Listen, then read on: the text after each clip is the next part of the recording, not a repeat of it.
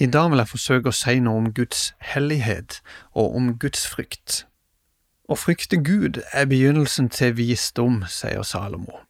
Hvis du har hørt noen av andaktene her i Over en åpen bibel denne uka, her, så har du kanskje fått med deg at temaet kretser rundt synd og Guds hellighet.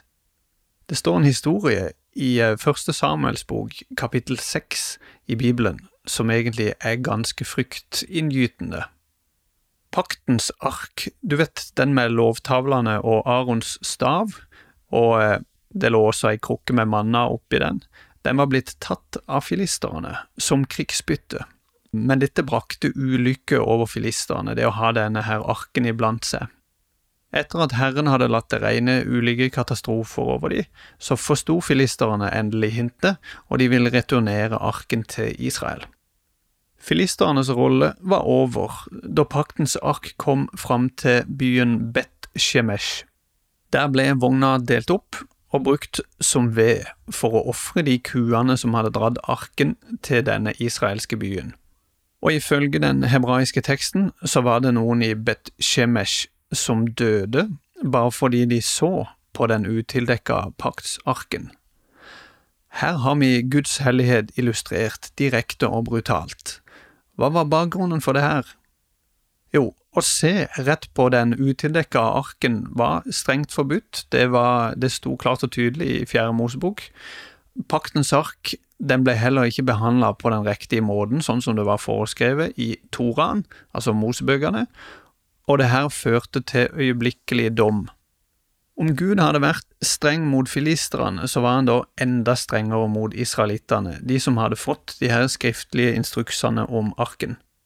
Situasjonen gikk fra vondt til verre når man leser den videre historien. Bet Shemesh var en levittby, så det var nok ikke tilfeldig at arken endte opp der, det var jo levittene som skulle ta hånd om arken. I stedet for å gjøre det de burde ha gjort, så sendte de da arken videre til en annen by, Kiryat Jearim. Det her var ikke noen levitby, og arken ble mer eller mindre glemt bort her. Det var en av innbyggerne der som het Eliasar, som var Abinadabs sønn, som hadde blitt innvia her til å vokte arken. Men her hadde arken egentlig ingenting å gjøre. Ganske mange år gikk, og først etter Sauls død, da David ble innviet til konge, ble arkens eksistens igjen et tema. David bestemmer at arken skal oppspores. Paktens ark blir da sendt tilbake til sentrum. David hadde på dette tidspunkt oppretta sitt styre og holdt på å flytte hovedstaden til Jerusalem, denne byen som Gud hadde valgt ut som et sted for sitt hellige navn, som det står i 5. Mosebok 12. Første krønikebok forteller om en stor flokk av politiske, militære og religiøse ledere som drar mot Kiryat Jearim for å føre paktens ark tilbake til Jerusalem. Men på veien tilbake til den nye hovedstaden så går det galt igjen, og tallet på omkomne øker ytterligere. Ussas og Ayos sønner får den ære å følge arken på siste etappe av reisen til det sted som man hører hjemme, men en dag ble til tre måneder Åssen skjedde det? Paktens ark ble satt på ei vogn som ble trukket av okser. Reisen begynte med stor fest og glede. Et sted så snubler oksene, og for å forhindre at arken faller på bakken, strekker Ussia ut hånda si for å støtte han. Gud slår han, og han dør. Det her høres brutalt ut. Hvorfor slår Gud ned en mann som faktisk ville beskytte arken?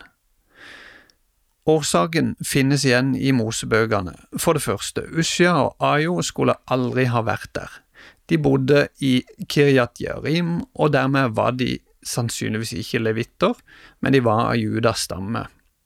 For det andre, arken skulle ikke flyttes på ei vogn, men den skulle bæres av en bestemt levittfamilie, etter at han hadde blitt ordentlig tildekka av prestene. Konklusjonen er jo at det meste ved denne reisa her gikk imot Guds befalinger. En kar som jobber ved Kaspari-senteret i Jerusalem, Terho Kanervikoaho, sier det sånn. I stedet for å stille spørsmål om hvorfor Ushia døde, kunne vi kanskje heller spørre om hvorfor han var den eneste. og han sier igjen kan man bare konkludere med at Gud valgte å være nådig. Det var først etter Usjas død at kong David forsto Guds hellighet. Han fikk en ny frykt for Gud der. Åssen har det her relevans for oss? Lever ikke vi under nåden? Jo, vi lever under nåden, og det er vår redning. Ingen har noensinne kunnet bli frelst ved å holde loven. Før Jesu død så ble man frelst ved å sette sin lit til Gud, til hans løfter om en frelser.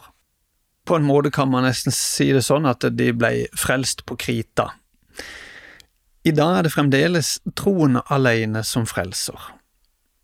Men loven er, som vi snakka om i går, kommet for å vise oss Guds standard, at vi er store syndere som trenger hjelp. Gud han er den samme i går og i dag, og til evig tid. Så den Gud som vi tilber på våre møter i dag, han er den samme som Lodusia og mange andre faller døde om. Vi lever imidlertid under en annen pakt, og dommen ble ikke utført her og nå. Men er ikke syndens lønn fremdeles døden, og sier ikke Bibelen at det skal komme en dommens dag? Og blir vi ikke òg i Nytestamentet formana til å frykte Gud? Paulus snakker tydelig om rett og galt, at vi ikke skal ta det så lett, dette med synd. Han tør å kalle en spade for en spade, han er ikke opptatt av å bli populær. I Galaterne kapittel 1 der, så sier han eh, at han ikke prøver å bli anerkjent av mennesker, men av Gud. Jeg vil avslutte den andakten her med å gjenta etterlysninga som jeg har kommet med i alle de andaktene jeg har holdt i denne uka her. Jeg etterlyser pastorer og kristne ledere som våger å tale tydelig om Guds hellighet, og som våger å sette navn på synden og advare. Å frykte Gud er begynnelse til visdom. Over en åpen bibel var ved Roald Arnesen. Serien produseres av Norea Mediemisjon, og vi tilbyr forbønn hver fredag formiddag. Ring oss på 38 14 50 20 38 14 50 20 fra 9 til 11.30, eller send oss en melding til adressen postalfakrøllnorea.no.